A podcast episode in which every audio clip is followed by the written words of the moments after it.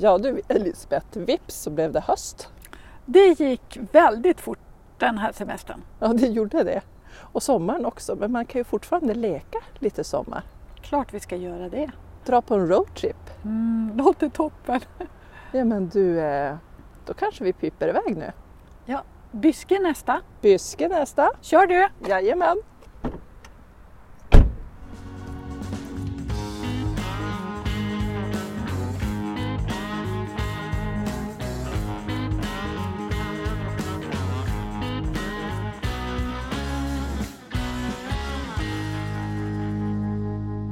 Hej och varmt välkomna till detta elfte avsnitt av vår podcast En bana, tre spår. Mitt namn är Eva Lundqvist och jag är kommunikatör för Norrbotniabanegruppen. Och mitt emot mig sitter Elisabeth Sinclair, projektledare för Norrbotniabanegruppen. Mm. Eh, och var sitter vi egentligen? alltså jag måste säga att det är grymt vackert här vid Byskeälven. Mm. Man kanske hör hur den pålar i, i bakgrunden Mm. faktiskt. Ja, jag tänker att vi ska ju blicka framåt på den här resan när vi tar oss norrut från Skellefteå till Luleå. Men först tänkte jag att vi skulle prata lite grann om sommaren som har varit Ja. och även lite från i våras. Eh, Det här eh, beskedet från Länsstyrelsen att de har för lite resurser. Mm. Det är många av mina både bekanta och även inom jobbet som känner lite oro kring det där. Kommer nu Norrbotniabanan att försenas? Alltså egentligen skulle jag Egentligen skulle jag vilja säga så här att det här borde vara en icke-fråga. Alltså grejen är ju det att eh, Länsstyrelsen ser att man har resursbrist när det gäller handläggare för det kommer att krävas en hel del arbete för att få alla tillstånd för Norrbotniabanan. Men eh, nu så ser man då att eh, man har liksom inte finansiering för att utöka de här antalet tjänsterna och ni som tror att man kan bara flytta pengar hur som helst på Länsstyrelsen, nej det går inte. Och det det handlar om i storleksordningen i pengar det är ju någonstans runt 4 miljoner kronor. Och det känns ju jättekonstigt om det 4 miljoner kronor skulle då komma och stoppa ett 30 miljarders projekt. Mm, vi har ju pratat tidigare om att Ja. Norrbotniabanan kostar ungefär en miljard per mil Ja. att bygga. Så, att, eh, Och, och, mm. eh, så det här känns, jag, kan väl känna mig lite irriterad men jag förstår ju att det här är ett jättebekymmer för Länsstyrelsen. Men sen så har ju Norrbotniabanan AB skrivit ett brev nu till regeringen. Ja, och jag tror att väldigt många representanter för Norrbotniabanan tar upp just den här frågan när man Mm. träffar beslutsfattare om att ja, men det här problemet det måste vi städa bort. Utan, eh, och på samma sätt så har ju Norrbotniabanan AB då skrivit ett brev till näringsdepartementet och minister och påtalat det här liksom problemet att eh, det här måste ni lösa. Mm. Och egentligen så vi, vi kanske inte bryr oss så mycket om hur, men lös det. Det får inte stanna upp projektet. Nej. Och i samband med det så skickade vi även ut ett pressmeddelande och det där kan man ju läsa då på norrbotniabanan.se. Vi kan ju länka till det från bloggen som hör till det här avsnittet också om ni är Ja. nyfikna på att se den skrivelsen. Mm. Eh, sen tänker jag det här med januariavtalet. Mm. Eh, där pratades ju om att bygget av Norrbotniabanan ska intensifieras. Ja, Hur rimmar det med den här resursbristen? ja det, det är ju som två saker som talar emot varandra. Och där hoppas jag ju att det inte bara är att intensifieringen innebär att vi ger mer pengar för handläggning på Länsstyrelsen utan vi behöver, eh, vi behöver intensifiera på, på flera olika plan. Och det här är ju en fråga som Norrbotniabanan AB arbetar med och vad jag förstår så har det gått iväg ett, ett brev till näringsdepartementet där man har sagt att de här och de här bitarna tycker vi att man ska börja jobba med i förtid för att underlätta när planeringen sen går vidare. Mm. Och det känns ju verkligen att man vill säkra utbyggnaden av banan. Alltså riktigt få det, få det på pränt på något sätt. Precis. I- Ibland brukar jag tänka så här, vi brukar säga åh, tänk när planeringen kommer igång och så kom planeringen igång och då tänker vi åh, tänk när bygget kommer igång och, och liksom alla de här, men vi ser att det är väldigt många trösklar vi ska över, de är små, en del är stora men det är flera stycken så att man får liksom inte tappa eh, skärpan nu utan nu jäklar måste vi ligga på. Ja. På tal om säkerhet där så, mm. så gjorde min hjärna nu en tvärkoppling på ett Facebook-inlägg som du la ut för ungefär två veckor sedan ja. om, om eh, din farfar. Eh, du, du, har ju, du har ju tåget i blodet verkligen. och det var otroligt fint skrivet. Kan du inte berätta lite om, om det? Ja, alltså min farfar och eh, hans pappa och hans pappa var ju lokförare. Men min eh, farfar han körde ju eh, persontåg mm, ja, åtminstone eh, sträckan Luleå-Kiruna ganska ofta vad jag förstår. Men eh, ganska precis för 70 år sedan så råkade han ju ut för en jätteotäck eh, järnvägsolycka och det var strax söder om Gällivare när han kom med sitt persontåg och eh, det de inte hade fått eh, sig informerat om det var att det redan stod ett malmtåg på banan. Så vad jag förstår så kom de i en svag kurva mm. och där stod ett antal malm, malmvagnar så att eh, eh, han kastade sig på bromsen men de var tvungna att hoppa till slut, både han och hans lokbiträde. Och sen var ju den här eh, katastrofen ett faktum för det här persontåget körde ju in i malmtåget. Mm. Och det som var så otroligt sorgligt och hemskt i det här det var det att på den tiden så man hade visserligen slutat vad jag förstår tillverka eh, vagnar, personvagnar i trä men restaurangvagnar i trä var fortfarande i bruk. Och då visste han att eh, den här restaurangvagnen den var den som var mest sårbar. Mm. Så efter det att de, det hade smält så tog han sig upp från diket och eh, försökte springa då. Han sprang då längs med tåget och när han kom då till restaurangvagnen så var den så gott som helt utplånad just själva överdelen där personalen var. Och han måste själv ha varit skadad just eh, Ja, han hade ju knäckt några mm. reben och sådär och han försökte ju ta sig, han skulle ta sig upp i den här vagnen för att se. Det var, eftersom det var restaurangvagnen så hade man ju vedeldad spis och när smällen ah. kom så mm ja, sprängdes ju den där och, och kastade runt eld så att eh, de får ju väldigt illa de personalen eh, som var i den här restaurangvagnen. Och av dem så var det ju fyra stycken som dog och de var ju så väldigt unga. Den yngsta var ju 17 år. Och, mm. och eh, så att jag brukar ju tänka på de här Ellen, Sigrid, Rut och Gösta som fick sluta sitt liv så himla tidigt. Och min farfar, jag har ju bara fått det här berättat för mig att han hade ju under lång tid då eh, alltså jobbigt mm. med, med de här otäcka minnena från den här olyckan. Och det fanns ju, det var ju svårt att rädda de här personerna. De var ju, mm. eh, ja, om de inte var döda då så mm. dog de ju senare. Men man, man, kan ju ha som en eh, liten tröst i det här att det ändå gått framåt ja. vad gäller säkerhet. Ja, ja. Eh, och det, verkligen, det, ja, på många det, plan. Precis, och det, och det tänker jag att, att det hade varit så Tänk om min farfar hade varit i livet. Att du kunde få diskutera ja, precis, allt som har hänt. Ja, och, och liksom just det här att idag så är, det nästintill omöjligt mm. att en sån olycka ska hända. Man kan inte släppa fram tåg om det redan står tåg på banan. Och, eh, så att, Men jag tycker att det är ändå höga krav på lokförare idag. Alltså ja. du, du, eh, du ska ju kunna en hel del. Ja, precis. Och nu är det ju Uh, nu finns det ju flera olika, alltså man gör, måste ju genomgå en massa tester när man uh, för att bli lokförare. Bland annat så det som ja, man, man kollar sån här simultanförmåga att göra ett sånt där mm, monotont jobb och så ska man göra något annat lite mer krävande med hjärnan till exempel. Aha, men du är lite nyfiken på hur sådana där tester går till egentligen? Ja, jag vet ju inte riktigt hur de ser ut men jag har mm. bara fått lite berättat. Ja. Nej, nu kan jag inte sitta tyst längre. Min goda simultanförmåga gjorde att jag tidigt förstod att jag var ett riktigt praktexemplar till lokförare.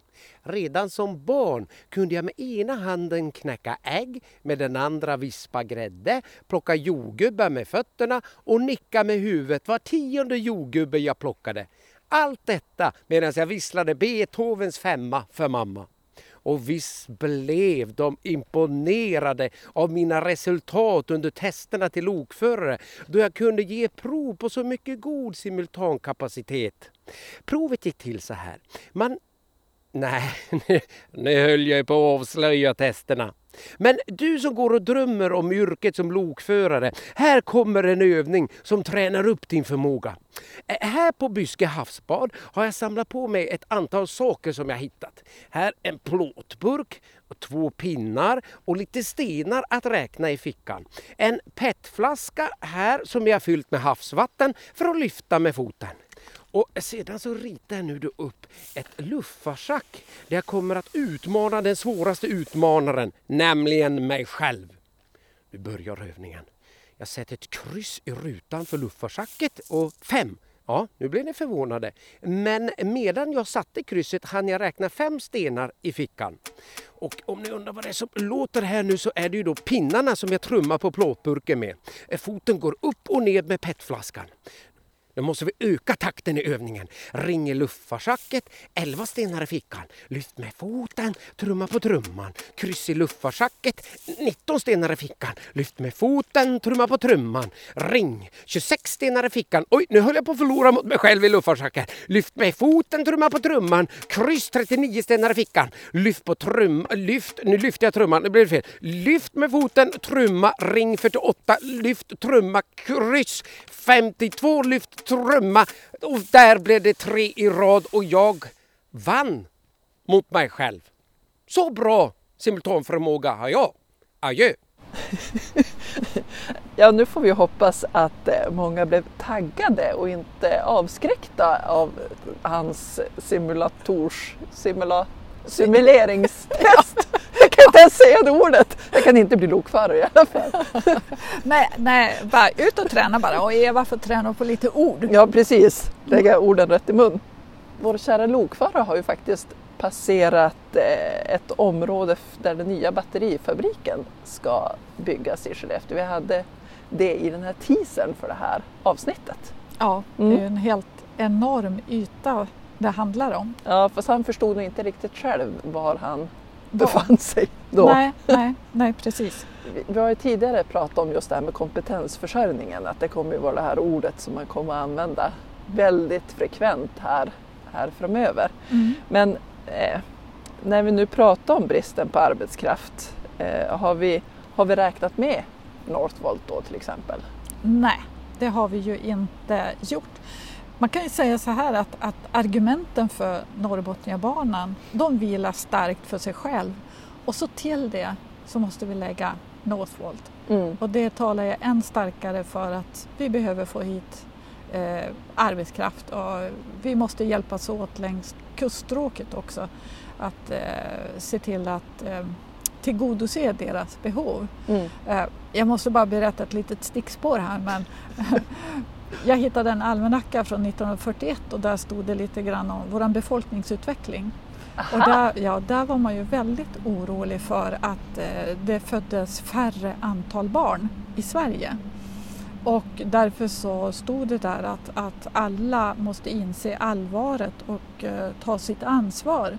Att varje familj borde eh, skaffa minst fyra barn.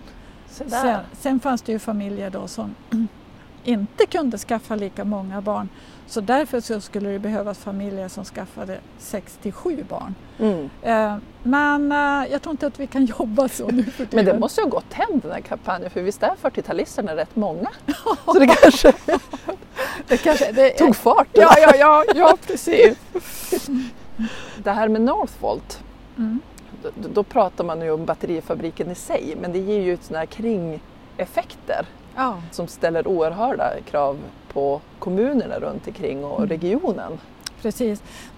Det som är viktigt att säga är att Northvolt eh, säger själv att de kommer att klara av sina, sitt behov av arbetskraft. Men om kommunen och regionen inte är på tå nu, då missar man det här. Och det vi inte vill ha, det är det som kallas för fly-in, fly-out. Alltså att det kommer, eh, flyger in folk, jobbar måndag till fredag och så åker man hem. Mm. De kanske jobbar på helgen också, vad vet jag. Men det vill vi ju inte ha, utan vi vill ju se den här möjligheten för kommunen att, att växa tillsammans med den stora batterifabriken. Och sen ska vi säga också att allt handlar inte om batterifabriken utan det är många fler saker som investeras nu och som utvecklas. Så att arbetskraftsbehovet längs hela Norrbotniabanan är ju jättestort. Och det är klart med Norrbotniabanan på plats så kan man ju eh, förflytta sig snabbt mellan kuststråket och spelar inte så Ja. stor roll var man bor och var man jobbar. Och det har vi pratat om tidigare. Mm. Men vi vill ju dra hit än mer folk som kommer utanför regionen. Ja, Eh, och då tänker jag på det här det som EU prata om att det är EUs eh, bästa plats att bo på, Ja. Norr och Västerbotten. Precis, eh, och det, det är kanske svårt att ta till sig när man lever i regionen och ser det varje dag. Att man inte kanske inser hur faktiskt bra det är att bo här. Mm. Fast jag har ju den fördelen att jag bor i Umeå. Så Mm. jag, varje vecka jag kommer så ser jag det här med nya ögon och det är ju helt fantastiskt det som händer i Skellefteå. Mm. Och jag har ju sett det hända i Umeå och eh, Piteå är på god väg och Luleå är också lite på snurr. Men just i Skellefteå är det en sån explosiv Mm. expansion. Det var så härligt för ungefär för två eh, veckor sedan så sprang jag på en läkare som hade precis flyttat upp hit. Just det, Louise. Louise, ja, Louise Elander Degerstedt. Eh, och hon berättade ju men både, både vad som fick dem att ta steget att flytta upp samtidigt med reaktionerna som hon fick runt omkring och lite reflektioner hur hon kände nu när hon hade bott här ett litet tag. Vi kanske ska ta och lyssna vad hon har att säga om det. Ja, spännande. När vi började fundera på om vi skulle flytta norrut så var det framför allt eh, skulle jag säga närheten till naturen för att få livspusslet att bli lite lättare. Att vi ville att våra barn skulle växa upp i Norrland och inte i Stockholms innerstad. Nu har vi bott här i ungefär tre månader. En liten eh, omställning förstås. Vi bor i ett hus jämfört med en lägenhet. Vi har börjat med det här livspusslet med jobb och skola och förskola. Och det är faktiskt lite till och med bättre än vad jag hade vågat hoppas. Det fungerar väldigt bra med både jobb och skola och förskola. Alla väldigt vänligt inställda. Jag tycker det finns en okomplicerad inställning, tycker jag. Inte lika avancerat allting som det kunde vara ibland i Stockholm. På ett bra sätt. Reaktionen hos mina kollegor när vi berättade att vi skulle flytta upp var faktiskt överraskande positiv skulle jag säga. Många vädrade att de själv har haft önskemål om att flytta ifrån Stockholm, kanske bryta, komma närmare naturen Eh, och eh, få ett annat arbetsliv helt enkelt. Lite mer, lite större eller lite större perspektiv på liksom patienten, lite bredare bas än det här subspecialiserade då som det gäller för, för mig. Många, och just livspusslet, många av mina kollegor med barn. De är avundsjuka. Ja, oftast är det ju kärleken som lockar när man byter ort sådär. Men det är tur att det finns andra saker också som gör att man... Verkligen. Som jag berättade tidigare så eh, är vi ju på denna roadtrip norrut. Och det här Mm. är ju egentligen mellan Skellefteå och Luleå är ju Norrbotniabanans andra etapp. Ja. Fast här finns inga beslut. Nej, utan eh, järnvägsutredningarna blev klara där vid 2011. Ja, precis. Eh, Så det finns en järnvägskorridor och vi har ju pratat om denna korridor Ja. eh, vid flera tillfällen eh, tidigare men vi kanske ska nämna lite grann vad, vad är nu denna korridor egentligen för någonting? Ja, det första, eh, första steget man gör det är ju att peka ut en korridor. Den kan vara bred och den kan vara smal beroende på var den går. Men i nästa steg då ska man bestämma banans exakta linjedragning som det kallas. Så att eh, det är ju det som vi vill komma igång med, det arbetet. Inte minst för att den här järnvägskorridoren som faktiskt skyddas enligt lag, den ligger ju som en våt filt över kommunerna och genom städerna och förhindrar då till exempel företagsetableringar eller bostadsbyggande och sådär. Så att det här vill vi ju verkligen komma vidare med och det är ju också någonting som ligger i det här begäran om intensifiering. Att eh, påbörja en del förarbeten för att underlätta då att hitta den här linjedragningen så mm. småningom. För varför det inte har blivit påbörjat ännu är ju för att det inte finns finansiering. Den finns inte med i den nationella transportplanen. Nej, utan där finns bara sträckan Umeå-Skellefteå med än så länge. Mm. Men samtidigt är det ju så också att man skriver i den nuvarande nationella transportplanen att eh, eh den första etappen mellan Umeå och Skellefteå är en del av helheten mellan Umeå och Luleå. Mm. Och vi befann oss ju i Bureå i ett tidigare poddavsnitt. Eh, mm. om man då ska jämföra Bure och Byske så det blir ännu tydligare. I Bure så finns det en föreslagen linjedragning, det har varit samråd mm. på orten också. Men här i Byske så är den ju väldigt bred. Det, det, man vet det är ju att det är den föreslagna linjen som går vid, förbi Byske havsbad som blev beslutad vid järnvägsutredningen tidigare. Nu sa du linje, men vi ska nog vara ja, noga med att säga ser, korridor. Ja, vi, vi hör det här varenda dag men det är ändå svårt att, att ja. hålla ihop alla de här begreppen. Faktiskt. Precis, och sen är det ju också så att det är Trafikverket som sköter mm, planeringen. Mm, precis. Så där brukar i alla fall inte jag gå ner i detaljnivå därför att det är så viktigt att de som har frågor om banans dragning vänder sig direkt till Trafikverket och inte till oss. Däremot så de som råkar komma till oss, de hjälper vi att hitta kontakter hos, äh, hos Trafikverket. Precis, och jag tänker för den som nu är lite nyfiken kring det här så kommer vi att länka från vår blogg direkt till den del på Trafikverkets sida som handlar om just de här järnvägsutredningarna så kan man ja. kika lite mera där. Mm. Men när jag nämnde Byske havsbad tidigare så började jag tänka på vatten. det brusar högre ja. och högre här. Eh, och så har hört ryktas någonting om lokföraren hade tänkt att eh, testa fiskelyckan här i Byske. Okej. Okay. Kanske ska lyssna lite grann ja. hur det gick. Äntligen! Va? Byske älv. Jag insåg att jag måste hit efter alla sportfiskare jag träffade längs vägen. De berättade om denna juvelen i kronan för laxfisket, Byske älv. Lax efter lax hade de dragit, baddare upp till 20 kilo. Vilken dröm! Men det här är inget för obekväma som dyker ner i frysboxen på Ica efter sin lax. Här är ledorden för sportfiskarna. Hög spöföring och snäva kastvinklar. Hon har utrustat mig med ett långt spö på 15 fot. Med det här spöet kanske man kan fånga saker från lokförarfönstret i vinter. Pimpla i farten. Och kanske kan jag fiska in posten när jag passerar Postnords tåg i Älvsbyn. Ja, ja det tål att funderas på. Nu var det bara en liten detalj kvar och det är vad laxen ska hugga på. Flugan. Sportfiskarna eh, visade fluga efter fluga ända tills det började klia på kroppen. Men en av tjejerna berättade att det är viktigt att man binder flugan själv för att få fiskelycka. Tydligen ska det ha varit mycket lyckat att blanda in rävhår i flugan.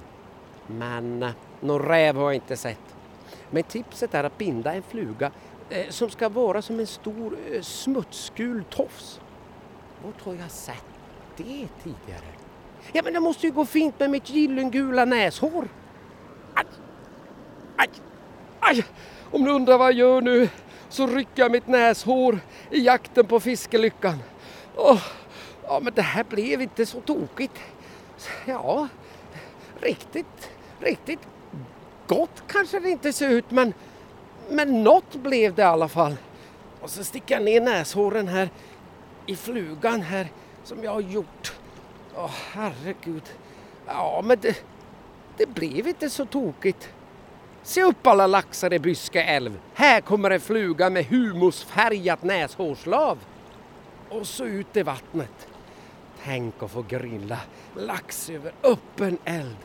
Men vad var det nu för ledord jag skulle tänka på? Hög svansföring och snäva kastvindar? Eller var det hög spöföring och snäva kastvinklar? Ja, det är inte lätt med alla dessa specialord. Ja, vänta, vänta! Nu, ty, tyst! Ja, men nu hugger du! Du rycker i spöet!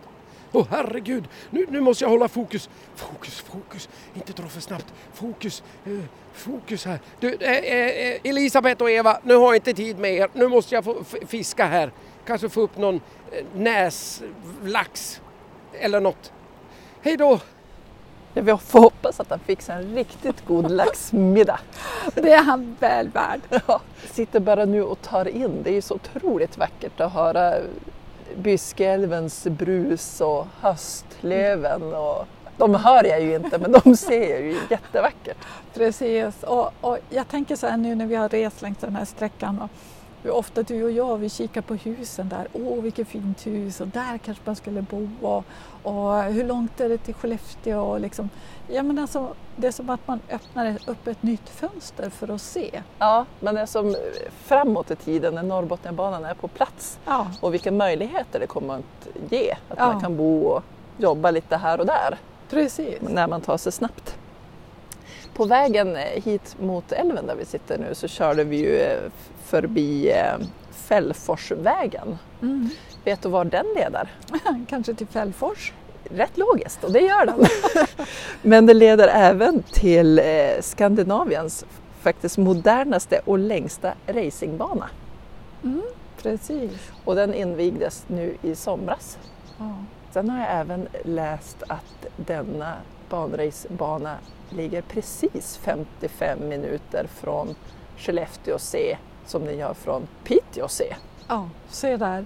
Och Vilken, då börjar ju tankarna snurra igen. precis. Ja, men tänk vilken betydelse Norrbotniabanan har för det här med olika event. Mm. Att folk kan ta tåget till eh, travbanan i Umeå, kanske det är golf i, i Robertsfors och eh, vi har eh, ishockey i Skellefteå och eh, Luleå och så har vi det här i, i Byske med Fällfors och Mm. Piteå kan jag tänka mig att det blir både det ena och det andra. Med mera, med mera. finns Ja, ju så precis. otroliga möjligheter.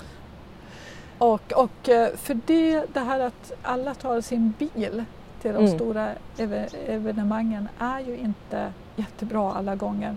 Men på det här sättet så kan vi liksom slussa folk, ganska mycket folk snabbt. Man kan ju röra sig snabbt längs kusten och så sen kan man åka med någon buss och- inåt landet. Ja och precis, Så att, att, att det här att jag kan faktiskt åka till Skellefteå på sommaren om jag vill ha något jättekul att göra. Ja, precis och ta kvällståget hem. Och så. Ja, ja exakt.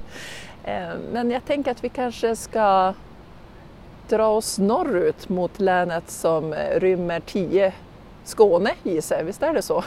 Ja, lika stort som Österrike. Vilket Ja. län kan det vara? Norrbotten. Jag sa Ja. Och jag tänker om du som lyssnar har några funderingar som du har kring det här avsnittet eller någonting annat kring Norrbotniabanan så är du välkommen att höra av dig till oss på info.norrbotniabanan.se. Du kommer ju även att eh, följa upp det här avsnittet med en blogg Elisabeth Jajamensan. eh, och där lägger vi ju till länkar till mer information också kring det vi har pratat om. Ja. Och sen avslutningsvis vill jag bara önska er en fortsatt bra dag så hoppas jag att vi hörs igen. Hej då! Hej då!